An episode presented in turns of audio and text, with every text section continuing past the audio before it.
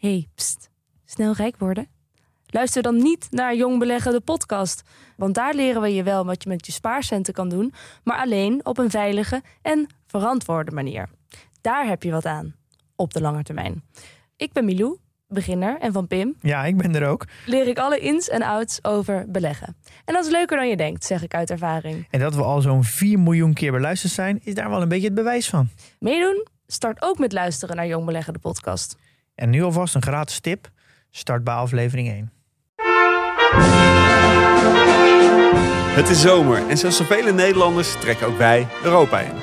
Jaarlijks vieren bijna een miljoen Nederlanders hun welverdiende vakantie in Griekenland. En vandaag reizen wij hen achterna. Mijn naam is Sander Heijnen en welkom in de BV Griekenland.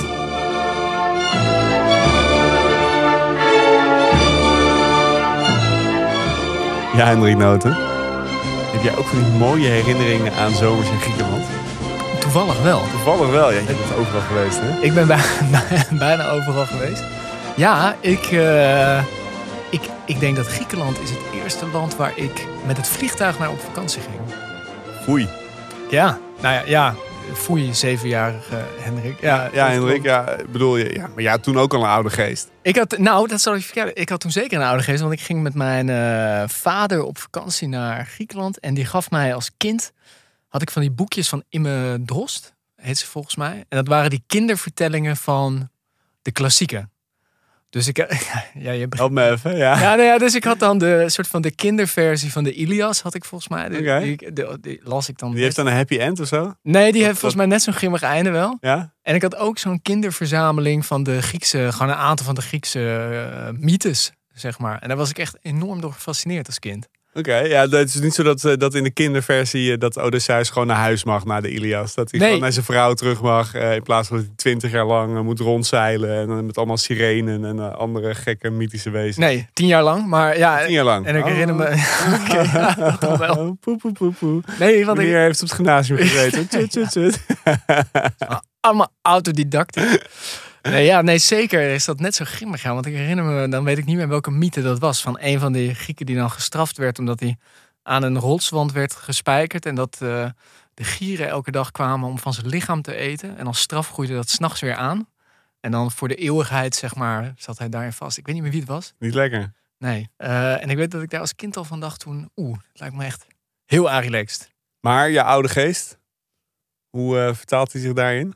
Nou, dat ik, ik weet niet hoeveel mensen eh, voor hun tiende de Ilias aan het lezen waren. Ja, kindereditie telt niet. Oh, dat telt niet. Heb jij eh, Griekse ervaringen? Nee, ik, vraag, ik stel een vraag. Heb ik Griekse ervaring? nou, ik doe het graag op zijn Grieks. Heb Nee. jij ervaringen met Griekenland? De tering. Zitten we echt in de vakantiestemming, eh, Hendrik. Ja, ik heb één, ja, toch wel hele mooie ervaring in Griekenland. Ik ben er één keer geweest. Ik was 17, denk ik. Oké. Ik was aan het interrailen. Ja. Toen eh, met, eh, met drie schoolvrienden. Schoolvrienden, gewoon vrienden, want ik zat toen nog op de middelbare school. 1999, eh, treintje eerst helemaal naar Brindisi. Door Italië. En van Easy. Waar Brindisi is in Zuid- Italië? Zuid-Italië. Oké. En vandaar de veerboot naar, naar Patras.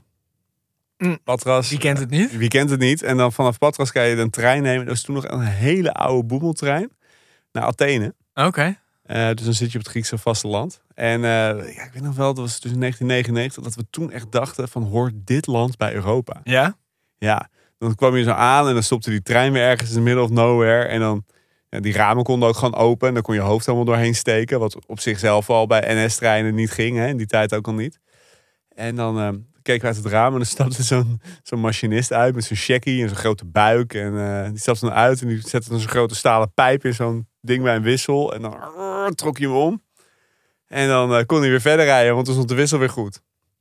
En eh, dus dat was mijn eerste geen ervaring last met... van eh, computerstoringen natuurlijk, als je het op die manier moet doen. Maar Nee, die had, die had van de Griekse- nee, het Griekse nee, die had geen last van. Ik weet niet precies hoe de, het veiligheidssystemen daar functioneerden. Eh, maar inderdaad, nee, dat is, dat is ook een mooie, was ook een mooie treinrit overigens van de Patras naar Athene. Geef hem al, eh, nou goed, het landschap over scherpe ja, kanalen het is en een zo. prachtig land Het natuurlijk. is een heel mooi land, ja. En eh, ja, toen een paar dagen in Athene rondgehangen. Ja, wat doe je als 17-jarige? We zijn wel naar Athene. Acropolis eh, gegaan. Ja. Maar we hebben ook wel biertjes gedronken. En op de terugweg zijn we nog naar Corfu geweest. onderweg. Je kan ook met de pont naar Corfu vanuit Athene vrij makkelijk. Of vanuit Patras, dat weet ik niet meer. En daar hebben we toch vooral dingen gedaan die als 17-jarige op, op je eerste vakantie zelf doet. Op een Grieks eiland. Dan heb ik daar voor het eerst eh, overgegeven naar tequila en eh, Oh ja? wat, andere, wat andere primeurtjes meegemaakt. Ja, Mooi. ja mooi. Dus jij gaat hier met een beetje warme gevoelens. eh, kijk jij terug op Griekenland? Zeker, ja, dat was, wel, dat was wel leuk, ja. Ja. Ja, ja mooi, mooi land. Mooie mensen ook. Aardige mensen. Maar ook een land dat, zeker als we kijken naar de BV Griekenland... en misschien ook wel de relatie van de BV Nederland met de BV Griekenland... waar wat een en ander over te zeggen is. Ja. Zullen we eens, eh, Dus zullen we voor we daarheen gaan even gewoon even een paar eh, basisfeitjes over Griekenland... zodat we weer even weten waar we het over hebben. laten we dat doen. Hoeveel inwoners heeft Griekenland, Hendrik? Griekenland, klein landje hè? Ruim 10 miljoen inwoners. Nou, ik vind het helemaal niet zo klein. Vind je dat niet zo klein? Nee, een soort België. Nee, het is inderdaad niet zo klein. Maar gezien de, de, oppervlakte van het land is het wel... eh, Veel water, hè? Ja, dat is waar. Oké, zeker. Nou, ruim 10 miljoen mensen in ieder geval. En daarmee staan ze welke plek op de lijst van landen volgens Ja, bevolkingsgrootte? 90. Dat is toch net in het linker rijtje. Ja, dat, is, dat heb jij heel scherp, heel snel gerekend. Ja. Dat klopt. Zo kan je er inderdaad naar Ja, zo kijken. kun je naar kijken. Ja, je, moet, Ja. je moet ze niet te klein maken, hè, die Grieken. Vinden ze niet leuk. Nee, dat klopt. Hoe zit het met de handel tussen Nederland en Griekenland? Wij importeerden voor in eh, 21 voor 835 miljoen aan goederen uit Griekenland. Vind je niet zoveel? Ja, Ja, dat is echt weinig natuurlijk. Dat is een Eh, beetje daar is dat. ja, daar kom ik zo meteen op. Eh. Of dat kan ik je eigenlijk wel meteen vertellen. Ja, groente en fruit, veel. En ook wat eh, farmaceutische producten. Ik weet eigenlijk niet precies waar, wat dat dan zou zijn. Maar vooral voedselmiddelen, denk ik, inderdaad. We exporteerden voor wel wat meer, 2,7 miljard. Zitten we meteen bij een van de kernproblemen van de, hoe de Europese Unie in elkaar zit. Hè? Ja. Dat, dat Nederland en Duitsland gewoon veel meer exporteren dan importeren uit, uit zuidelijke landen. En dat we daarmee eigenlijk die hele handelsbalans scheef hebben getrokken. En dat ze daardoor in Zuid-Europa eigenlijk heel veel moeite hebben om hun economie eh, goed op peil te krijgen binnen Ja. de eurozone. Maar goed, daar gaan we het straks uitgebreid over hebben. Overigens, wat wij exporteren is wel heel classic. Eh, vooral vlees, zuivelproducten en eieren. Ja. Dus als wij onze veestapel verkleinen, dan komt die handelsbalans ook weer wat, wat Precies. beter tot z'n recht. Nou, dat is weer eh, positief nieuws. Hey, eh, en dan hoeveel mensen gaan op vakantie in Griekenland? Ja, en volgens mij zo'n beetje een miljoen afgelopen jaar. Dat is wel veel. Ja. Ik denk ook dat dat in dit geval zijn dat natuurlijk voornamelijk toeristen. Denk je niet? Ik bedoel, we hebben het eerder wel eens gehad over, de, over zou het een diaspora zijn of niet? Maar in, Grieken, in het geval van Griekenland het zijn Nee. echt toeristen. Al, al valt het me best wel vaak op, op terrasjes in Amsterdam, dat je bediend wordt door Grieken. Ja, Als je, hè, dan een beetje plaatsen, hoe moet ik dat accent nou plaatsen? Ik vind dat toch altijd leuk om te vragen. Je hebt, en zeker de afgelopen, afgelopen jaren, sinds die eurocrisis, zijn er natuurlijk best wel veel jonge Grieken hebben dat land gewoon de rug toegekeerd. En zeggen van ja, ik kan wel hier gaan studeren en eh, proberen een of andere baan te krijgen die er niet is. Maar kan ik misschien wel beter gaan in de horeca werken in, eh, in eh, Noord-Europa. En dan in de wintermaanden gewoon in Zuid-Europa, in Griekenland, daar goedkoop van leven. Ja. Dus dat is meteen ook wel eh, een van de dingen waar we het denk ik zo eh, over eh, komen te hebben. Dan nog even politiek. Wie ja. regeert het land? Is dat links? Is dat midden? Is dat rechts? ja ik vroeg dat aan jou. Ja, toen zei ik Tsitsipas. Tsitsipas, ja, toen zei jij net is een tennisser. een hele goede tennisser. Ja, ja, Wel uit Griekenland, dus je zat Ja, wel in die Ik zat zin. in het goede land. Je ging best in de goede richting, maar de professie, de professie had je nog niet helemaal goed. ja, wel erg hè? Maar de verwarring is, Cypras. Eh, is inderdaad uit te leggen. Wat Ja. Tsipras hadden we. Ja. Die heeft naam en faam gemaakt tijdens de eurocrisis. Moeten we zo meteen over hebben. Ja, Maar die is eigenlijk sinds 2019 al niet meer eh, aan de macht. ja, en nou ben ik best een verstokt volger van Europese politiek. Ja. Maar het feit dat ik deze gewoon eigenlijk eh, niet wist. En toen, toen toch, toen dacht ik, ja, volgens mij, want dat was van Syriza, hè, die partij die is opgekomen met protest tegen eh, de maatregelen Ja. eh, die tijdens de eurocrisis door, jawel, de Dijs, Komen we zo de nog burgemeester op. van. Eindhoven, Ja. werden opgelegd. Die toen nog minister van Financiën en eh, voorzitter van de Eurogroep was. Ja, die zijn toen heel erg opgekomen en die zijn eigenlijk weer heel erg neergegaan. Hè? Dat klopt. Ja. En nu is Kyriakos Mitsotakis. is nu is sinds 2019 premier. Is ook net herkozen. En dat is de liberaal. Hij is echt van de liberaal-conservatieve partij. Die aan de macht is. Je hebt ook nog het, de extreemrechts beweging in Griekenland. Maar dit is de, ja, zegt de VVD, eh Slans VVD.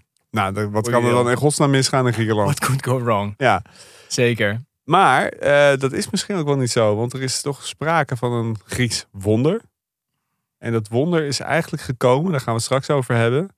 Nadat het eerst helemaal is misgegaan in dat, in dat land. Hè? Zeg maar tussen, de, tussen het moment dat jij daar voor het eerst was en het was waarschijnlijk hetzelfde jaar. Zit ik me te bedenken.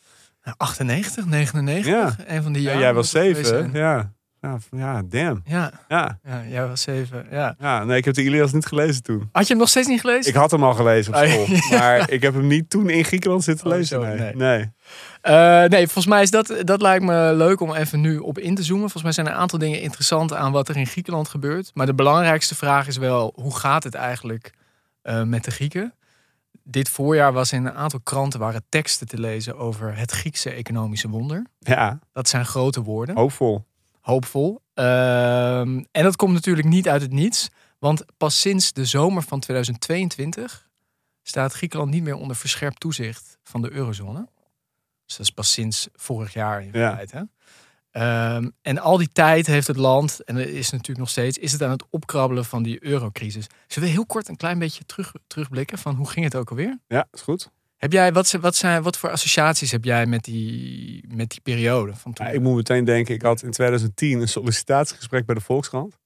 En toen was er net, een, eh, was net de allereerste keer dat de euro-crisis, de Griekse schuldencrisis, eh, was bezworen. En dat is een aantal keer is dat geweest. Hè?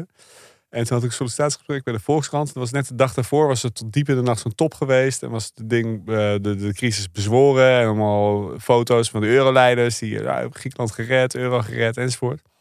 En toen vroeg ze tijdens het sollicitatiegesprek, als je morgen een stuk moet maken voor de krant, waar zou je dan eh, in willen duiken? Toen zei ik, ja, ik zou nog wel eens in die, in die, in die Griekse kwestie willen duiken. Want volgens, volgens mij is dat nog niet klaar. nou, dat bleek op zich een goed antwoord, want ik heb, words. ik heb de baan gekregen. ja, In die eerste jaren dat ik daar eh, werkte, ik schreef weliswaar niet zelf over. Maar er waren gewoon eh, collega's die een dagtaak hadden met schrijven over die euro- eurocrisis, die schuldencrisis. En dat ging eigenlijk toen, is ook die term gemunt, Grexit. En toen ging het eigenlijk over, is Griekenland houdbaar binnen die eurozone? Want eh, Griekenland had om bij de euro te komen.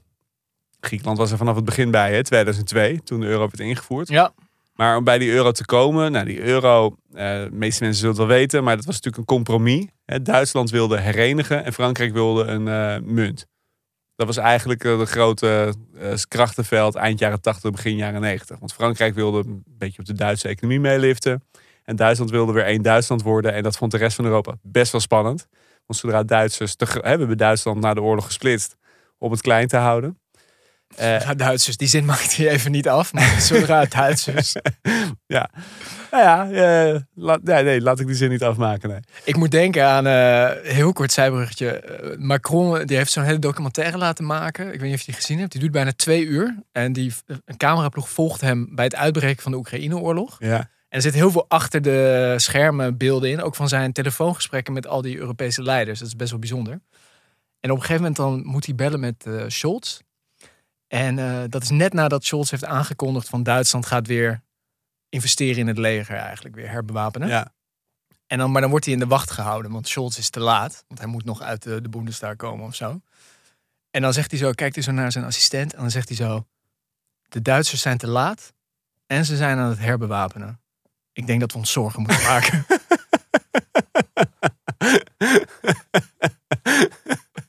Oh, heel grappig. Dat is eigenlijk lekker, ja. Ja, ja. maar goed, dat is, dat is natuurlijk de geschiedenis van die euro. Is, is eh, Ja. hereniging zonder echt... ehm, Ja, dus Macron heeft een hele oude vrouw en hij heeft humor. ja, Dat is eigenlijk... ja, eh, dit, had- dit, dit won mij wel in Ja, ja, nee, ik vind het ook wel leuk. Leuk, leuk grapje. Ja. Maar in ieder geval we hebben Nederland en Duitsland bedongen. Oké, we gaan die Europese munt doen. Maar strikte begrotingsregels en allerlei voorwaarden waar je als land aan moest voldoen. Om in die eurozone te mogen. Zodat het een sterke munt zou worden, naar Noord-Europees voorbeeld. Nou, die regels zijn er toen gekomen.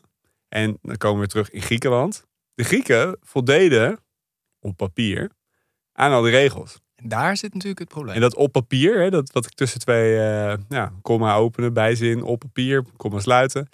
Ehm, ja, daar zit het probleem. Want die hebben met hulp van Goldman Sachs, ook interessant, hè, die grote Amerikaanse zakenband, die eh, nou ja, toch ook wel in een heleboel dossiers opduikt als, eh, zeg maar, niet de force for good. Laat ik het heel voorzichtig Nee, zou je het zo durven zeggen? Ze hebben hele dure advocaten. Ja, oké, dat is waar. Ja, Niet altijd. niet altijd. Nee, allegedly, hè? Allegedly, ja. Mochten ze luisteren. Maar in ieder geval, die hebben hen geholpen om hun eh, staatsbegroting te manipuleren. Dus die hebben gewoon een documentatie ingeleverd eh, in Brussel. Waaruit bleek dat zij aan alle voorwaarden voldoen, voldeden. En dat niet alleen, dus hè? Het gaat om schuldenratio, Ja. het gaat om het verdienvermogen van je economie. Het gaat om allerlei van die, van die factoren die maken. In feite, als je het heel simpel stelt, is dit land wel of niet kredietwaardig. Want er mochten alleen kredietwaardige landen meedoen aan de euro. En die Grieken hebben dat eh, massaal lopen manipuleren. En eh, eh, uiteindelijk, op een gegeven moment wordt dat duidelijk. Hè, na een aantal jaar, zo rond 2010 volgens Ja, mij. ja. Je hebt die schuldencrisis. In 2008 begon de bankencrisis. En dat was een schok door het economisch systeem. Vielen allemaal banken om die gered moesten worden. En uiteindelijk liep dat over in de Europese schuldencrisis. Want het bleek dat de Grieken hadden gewoon een veel te hoge staatsschuld. En het bleek ook dat ze hadden gelogen om bij de euro te mogen zitten. En het bleek ook dat hun statistiekbureau ook volgens mij de groeicijfers van de economie bijvoorbeeld ook manipuleerde. Dus Precies. er kwamen echt wel hele, hele Precies. nare berichten naar buiten. Dus, dus, we hadden, dus we hadden eigenlijk hadden we gewoon een enorme eh, Zuid-Europese fraudeur binnen de eurozone zitten. Ja. En die stond, eh, die stond op de rand van faillissement. Ja. Want een land moet zijn schulden eh, hernieuwen. Maar toen duidelijk werd zeg maar, dat die Griekse economie, dat Griekenland veel minder kredietwaardig is dan, eh, dan lange tijd werd gedacht. Dan wordt het duurder voor een land om geld te lenen. En ieder land, hè, Nederland ook, moet om de zoveel tijd moet je je schulden eh, vernieuwen. Dus dan moet je naar de kapitaalmarkt. En afhankelijk van je kredietwaardigheid krijg je een hoge of een lage rente. Dus Nederland en Duitsland, die hadden, ik weet niet meer precies wat het in die tijd was, maar zeg dat die 3% hadden. Nou, toen liep de spread op, dus het verschil tussen eurolanden, hoeveel rente ze moesten betalen, liep op. Nou, de Grieken die gingen naar 7 of 8 procent.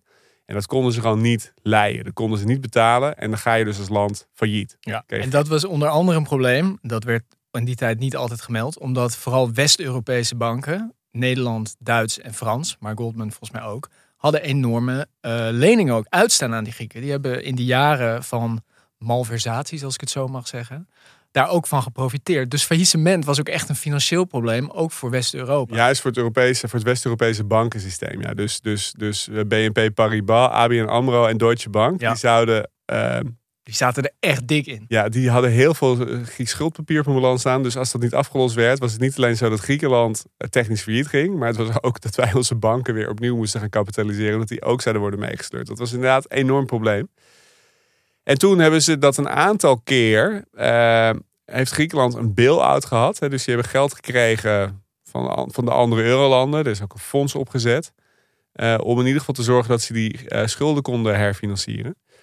En onderdeel van de voorwaarden om het geld te krijgen, is dat ze de trojka hebben opgezet. En dat is een eh, ja, groep technocraten geweest. Op een gegeven moment onder leiding van Jeroen Dijsselbloem. Nou, je had de euro de eurogroep. en de trojka. Ja, de trojka zat het IMF ook bij. Klopt, ja, dat De is waar. eurogroep waren de ministers van Financiën. Precies. En de trojka zat het IMF bij. En die waren er om te zorgen dat in ruil voor die, voor die bail-outs... Nou, voor die, dus die, die, die, die- dat, dat, dat, Ja. dat, dat de Europese landen de schulden aan Europese banken die via Griekenland liepen zouden aflossen. Ja, dus is dat we onze eigen banken via Griekenland gingen redden. Dat we met een groot gebaar eh, gingen naar de Grieken om eigenlijk onze eigen banken te redden. En daar nieuwe schulden voor aan de Griekse staat eh, eh, eigenlijk te, te koppelen. Stonden hervormingen tegenover. Dat is zo'n woord uit die tijd. Ja, er moest hervormd worden daar. Dus we moesten de Griekse economie gaan verbouwen. Ja. Nou, en dat brengt ons bij jouw partijgenoot, de huidige burgemeester van Eindhoven, De Dijs. de Dijs. Ja. Dijsselbloem. Ja, die was natuurlijk een van de, als voorzitter van de Eurogroep, dus de, volgens mij de minister van Financiën, ministers van Financiën, was hij een van de toezichthouders eigenlijk. En namen ze ook beslissingen over, gaan we weer die bail-out doen? Zijn er genoeg hervormingen En door? hij was ook de woordvoerder in feite daarmee van de Europese minister van Financiën. En eigenlijk was hij met je buikspreekpop van de Duitsers. van Zo ook. Ja, Schau- Schauble? Schlaube? Scholen. Wolfgang Schauble? Ja. Ja. En die hervormingen, dat was vooral Een havik uit Beieren. echt waar, want het was toen de tijd natuurlijk bezuinigen, bezuinigen, bezuinigen.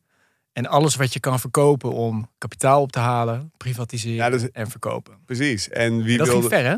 en wie wilde spullen kopen in Griekenland qua infrastructuur? De Chinezen. Ja. Dus wij hebben, we zijn nu heel erg bang voor de Chinese invloed. En hebben ze niet te veel eh, invloed eh, gekregen in Nederland en Europa met een nieuwe zijderouteproject. Ja, toen, om een beetje wat schulden aan Europese banken af te lossen, hebben ze gedwongen om hele havens te verkopen. Ja, de havens van Piraeus, Thessaloniki, zijn eh, verkocht aan Chine- Chinese staatsbedrijven. Ja. Luchthavens volgens mij ook. En lucht, dat zou kunnen, ja, dat die ook zijn verkocht. En eh, dat heeft natuurlijk jaren geduurd, dat bezuinigingstraject. Ja, en niet alleen dat, hè, want die privatisering, maar ook gewoon de pensioenen bijvoorbeeld van gewone Grieken. Gewoon helemaal kapot bezuinigd. ja, De zeker. Eigenlijk gewoon alle publieke uitgaven zijn met meer dan 30% teruggebracht in die jaren. Dat is veel, hè? Ja. 30%? De Grieken hadden al niet hele vette pensioenen. Hè? Nee. nee, dus het was echt keihard. En het heeft jaren, jaren geduurd. En dat, dat brengt ons ook een beetje bij de vraag van waarom is er nou sprake van dat Griekse wonder? Want nu zien we eigenlijk een aantal commentatoren, vooral wat meer ter rechterzijde, die die vraag opwerpen van heeft het dan toch, was het het dan toch allemaal waard? Ja, want dat is nog misschien nog de, de laatste tussenstap die we moeten zetten. Eh, die bezuinigings, eh, die knoet, zeg maar, die wij over Griekenland heen hebben geslagen, die hebben dat land echt verarmd. Het BBP is met eh, de economie is met tientallen procenten gekrompen daardoor. Besteedbare inkomens zijn met tientallen procenten eh, gedaald. Mensen zijn er echt ongelooflijk diep in de problemen geraakt. En toen de eh, schuldencrisis eh, eh, wel was opgelost, toen verdween Griekenland eigenlijk ook van onze radar. En dan zometeen, na de pauze, kunnen we het dan gaan hebben over hoe ze weer opduiken nu met het Griekse wonder. Ja, jongen. ehm, Griekenland dus. Ehm, heel veel besproken toen het daar eh, heel erg ruk ging. Maar nu, het Griekse wonder. Leg uit. Ja, je nader. ja, nou, ik las een stukje in de krant van Matthijs Bouwman bijvoorbeeld. Oh, nou, nou, dat zal het wel waar zijn. Als die het schrijft, dan is het waar. Die zegt eh, het Griekse wonder. En eh, ligt dan ook nog, ligt zelf genoegzaam toe dat het misschien toch loont om naar de trojka te, te luisteren. Want wat is er gebeurd in Griekenland? Schreef je dat echt? Ja, dat schreef hij, ja. Nou, niet de trojka, maar eh, hij had het dan over de economen van het IMF. Ja, oké. Wat wonderlijk is, kom ik op terug, omdat het IMF zelf jaren geleden al excuses heeft aangeboden voor wat er gebeurd is in Griekenland. Ja. Maar goed, ja, eigenlijk dat is uit. Ehm, ja, in 2022 is de economie met 6% eh, gegroeid. En dit jaar eh, waarschijnlijk met 2,5%. En de staatsschuld is gedaald van eh 200% BBP naar eh, nog maar 160%. En is dat omdat ze hebben afgelost of omdat de schulden zijn kwijtgescholden of dat ze eruit zijn gegroeid? Dat is dus vooral omdat er inmiddels een beetje omdat ze eruit groeien, maar vooral door de inflatie dalen, eh, daalt overal de staatsschuld. Ja, precies. Dus niet alleen in Griekenland is de staatsschuld gedaald, ook in Portugal is gedaald. In Italië is het ook gedaald. Door die inflatie krimpt je schuld, zeg maar. Eigenlijk lekker. Lekker die inflatie. Ja, nee, dat is ook Ja. voor die landen hartstikke fijn. Maar of dat per se te maken heeft met eh, het verkopen van de haven van Piraeus, dat kan je, je- dat kan je je afvragen. En de gemiddelde Griekse pensionado is er ook niet echt beter van geworden. Precies. En ook die groei van die economie. Ja, oké, dat stijgt nu. Ehm, maar je zei het al een klein beetje. Dat is ook niet zo moeilijk gezien het dal waaruit die economie moet opkrabbelen.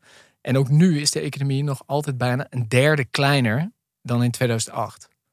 Dus dat om de dingen even in perspectief eh, te plaatsen. Maar, maar, maar, maar dan even toch, ten opzichte van het gemanipuleerde getal van het statistiekbureau van 2008 of de daadwerkelijke omvang van Ja, de economie? dat vind ik dus wel een goede vraag. Dus misschien moeten we het nog met een extra korreltje zout nemen. Zullen we niet zeggen een derde, maar laten we zeggen 20% lager dan het in 2008 was. Het is in ieder geval substantieel kleiner, maar ze hadden die economie ook wel substantieel opgepompt natuurlijk, kunstmatig.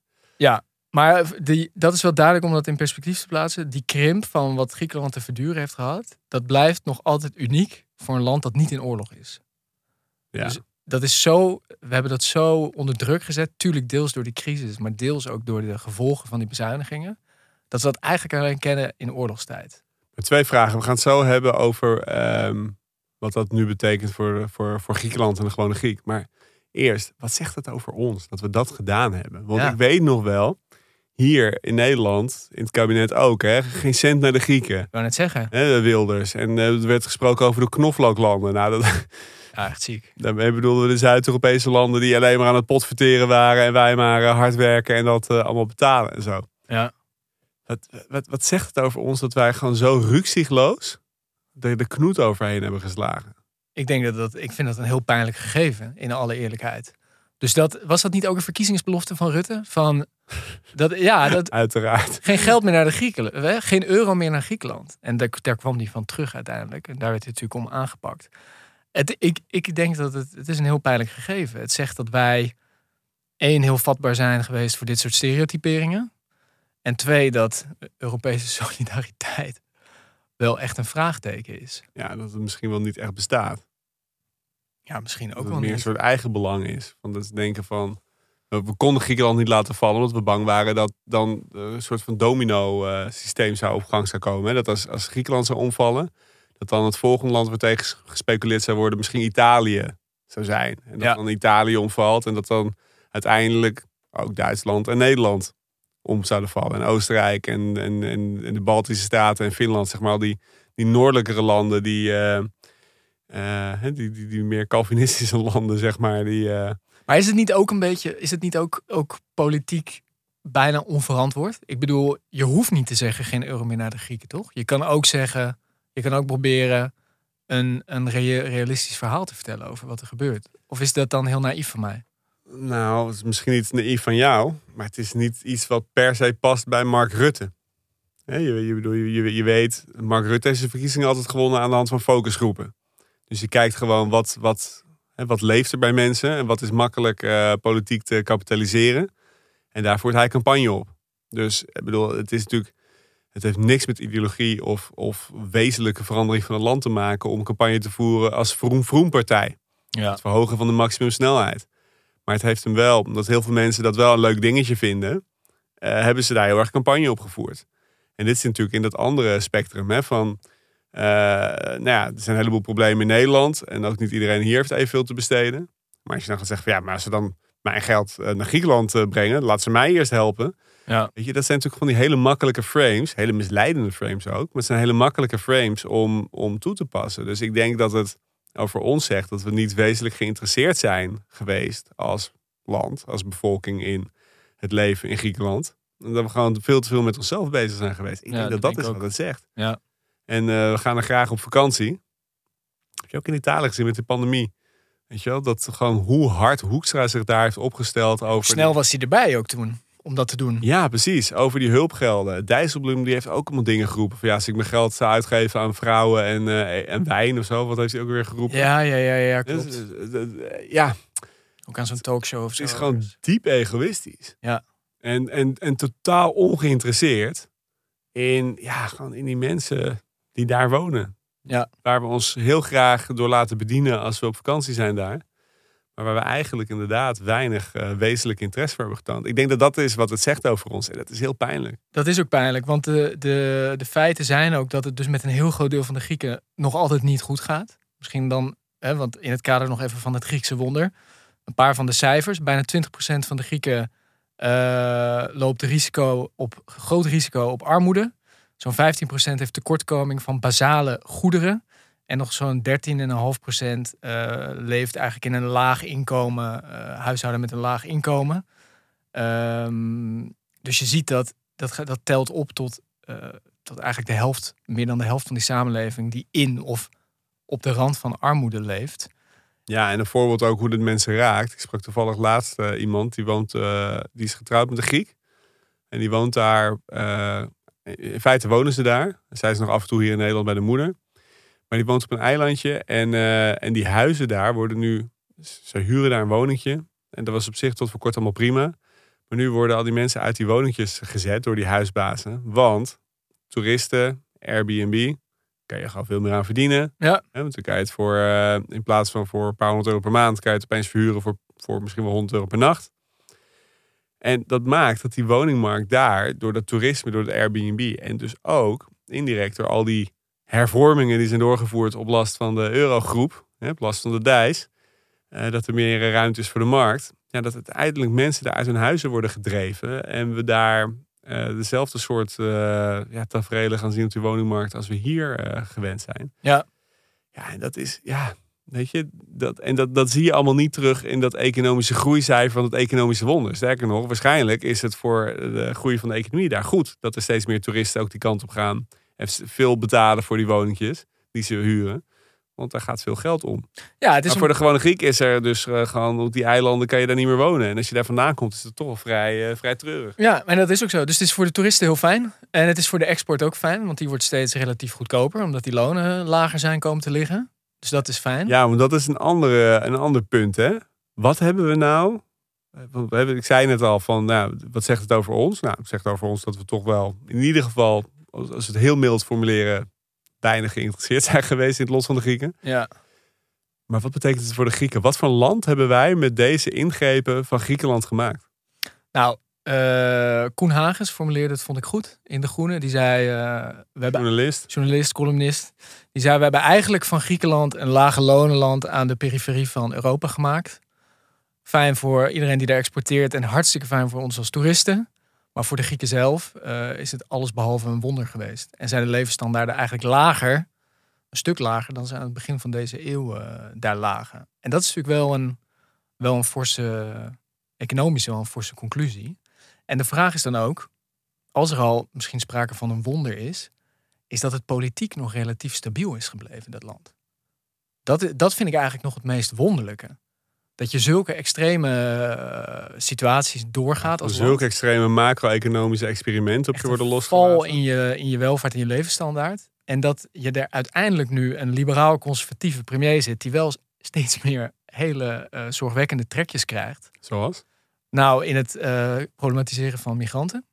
De fameuze pushbacks waar Griekenland eh, mee begonnen is. Nou moet ik ook wel zeggen dat wij als de rest van Europa in de categorie nee, eh, desinteresse... Eens, eens, zeker. Maar hij is ook een, een muur in navolging van Trump. Een muur aan het afbouwen aan de grens Ja, aan de grens met met Turkije. Turkije. Ja. En er speelt een afluisterschandaal.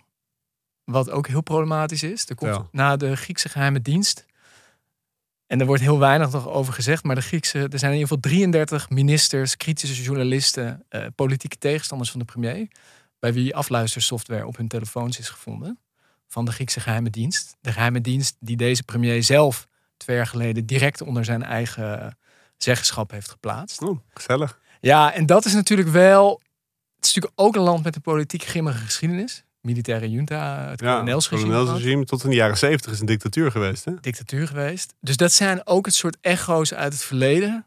Waar je natuurlijk wel van kan denken: ja, sterke leider. Ja, wel tricky ook. Ja, dus we hebben daar een, een, van, van, een, van een land dat dacht eh, de aansluiting te vinden bij een beetje de westerse, eh, westers-Europees slash Amerikaanse economische eh, wonder. Hè, met heel veel ook schuld en kapitaal enzovoort. Maar in ieder geval dat land, dat, daar zat een enorme positieve energie en hoop zat daarin. Ook de Olympische Spelen in 2004 zijn daar geweest. Hebben ze overigens ook tering van geld gekost. tuurlijk. Maar in ieder geval, ze hadden het idee van wij gaan nu eindelijk hebben komen uit die, uit die dictatuur. Jaren 70 tot achter zich laten gedemocratiseerd, lid geworden van de Europese Unie. En we gaan nu vooruit en we gaan een soort, we gaan een soort Duitsland worden met lekker weer. Ja, wat op zichzelf. En een, en een En, en, en- iets minder dubieuze geschiedenis. Nou ja. Oh wel. ja, en, en lekker eten wilde ik zeggen. Oh zo, ja. Maar, maar ja, ook eh, ja, nee, de Grieken hebben wel echt een minder, eh, minder expansionisme bedreven de afgelopen eh, eeuwen dan, dan de Duitsers. Dat, dat kunnen we inderdaad ook wel. Ja. leuk, leuk, don't mention the war, maar dat is aan jou niet besteed. Nee.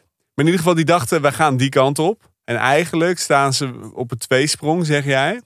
En kan het daar ook heel grimmig worden. Ja. Omdat er gewoon eigenlijk heel veel grond is voor onvrede. En, en eigenlijk eh, wantrouwen in de, in de systemen die we hebben opgetuigd.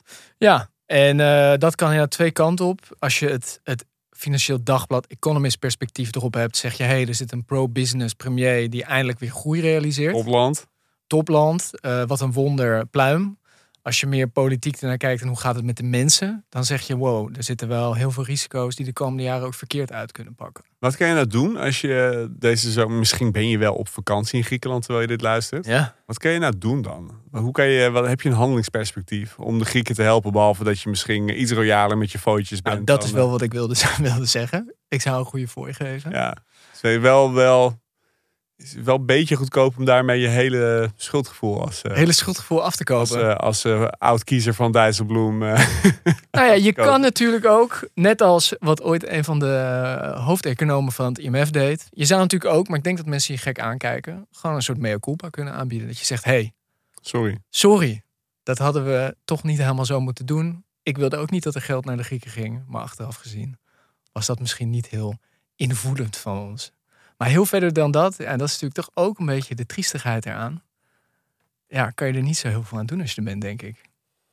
Nou ja, dan maar eh, wat moet je bezoeken als je er bent? Laten we dan eh, toch eh, daar maar naartoe gaan. Nou, wat vind jij? Acropolis? Overrated of vet? Nou ja, volgens mij hebben ze hem dus helemaal herbouwd, hè? Volgens mij was er ook sprake toen van of ze de Acropolis niet moesten verkopen. Dit, Yes. dit kan een urban myth zijn, maar wie wil, ja, zoek dat een keer op. Volgens mij heeft dat, dat is toen ook geopperd. Ongelooflijk. Ja. Maar goed, dat tezijde. Het is herba- gerenoveerd, en of gerestaureerd. Is het ook door de burgemeester van Eindhoven voorgesteld? Ja, ik weet het. Ga het even googlen snel. Ja. Ja, ik, ik zou toch inderdaad... Ja, ik vind die Griekse mythologie... Als je dan toch in Griekenland bent of daarheen gaat... Wat je echt eigenlijk zou moeten doen is... eh, een van de boeken van Stephen Fry. Die heeft allemaal van die mythes lopen hertalen. Zou je dat moeten lezen. En dan een beetje met die blik... Hè, door dat landschap heen, eh, heen eh, reizen. En om je heen kijken. Ja, het is wel heel vet. het is gewoon echt, weet je wel, die, die, die verklaringen die zijn die oude mythes voor, voor wat ze om zich heen zagen. En, en, en vervolgens helden werden dan aan de hemel gezet als sterrenbeeld door, Zeus. En ja, weet je, in die zeestraten waar dan allerlei eh, mythologische monsters woonden die dan verslagen moesten worden door, door jonge, jonge Griekse helden. Ja, met die blik, gewoon door dat land heen reizen, maakt niet eens zoveel uit waar je bent. Maar dat, eh, ja, volgens mij heb je dan een hele mooie ervaring en een mooie vakantie. Mooi. Maar je kan natuurlijk ook, wat ik dus ook heb gedaan toen, naar Corfu gaan. Lekker all-inclusive.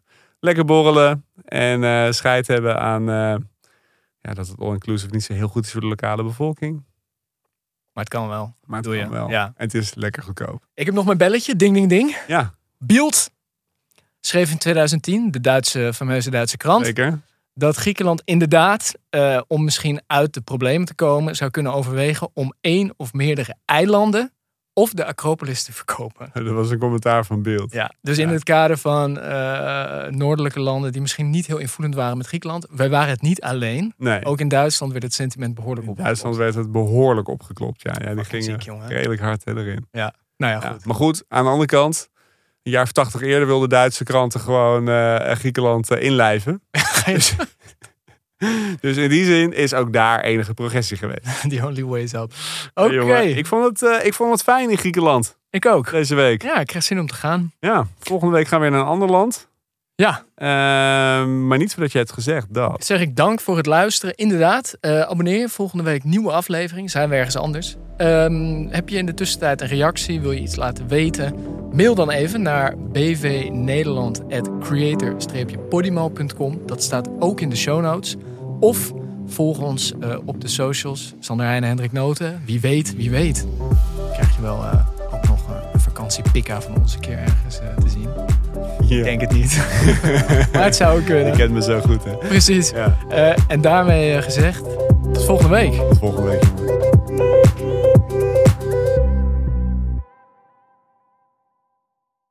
Vliegschaamte, fitstress, wooncrisis, natuurwijn, de Van Moof. In de podcast Schaamteloos Randstedelijk houden wij, Doortje Smithuizen en Per van den Brink, de jonge stedeling, een spiegel over al deze onderwerpen voor. Dus ben je op zoek naar houvast in je randstedelijke bubbel? Luister dan naar Schaamteloos Randstedelijk, overal waar jij je podcast luistert.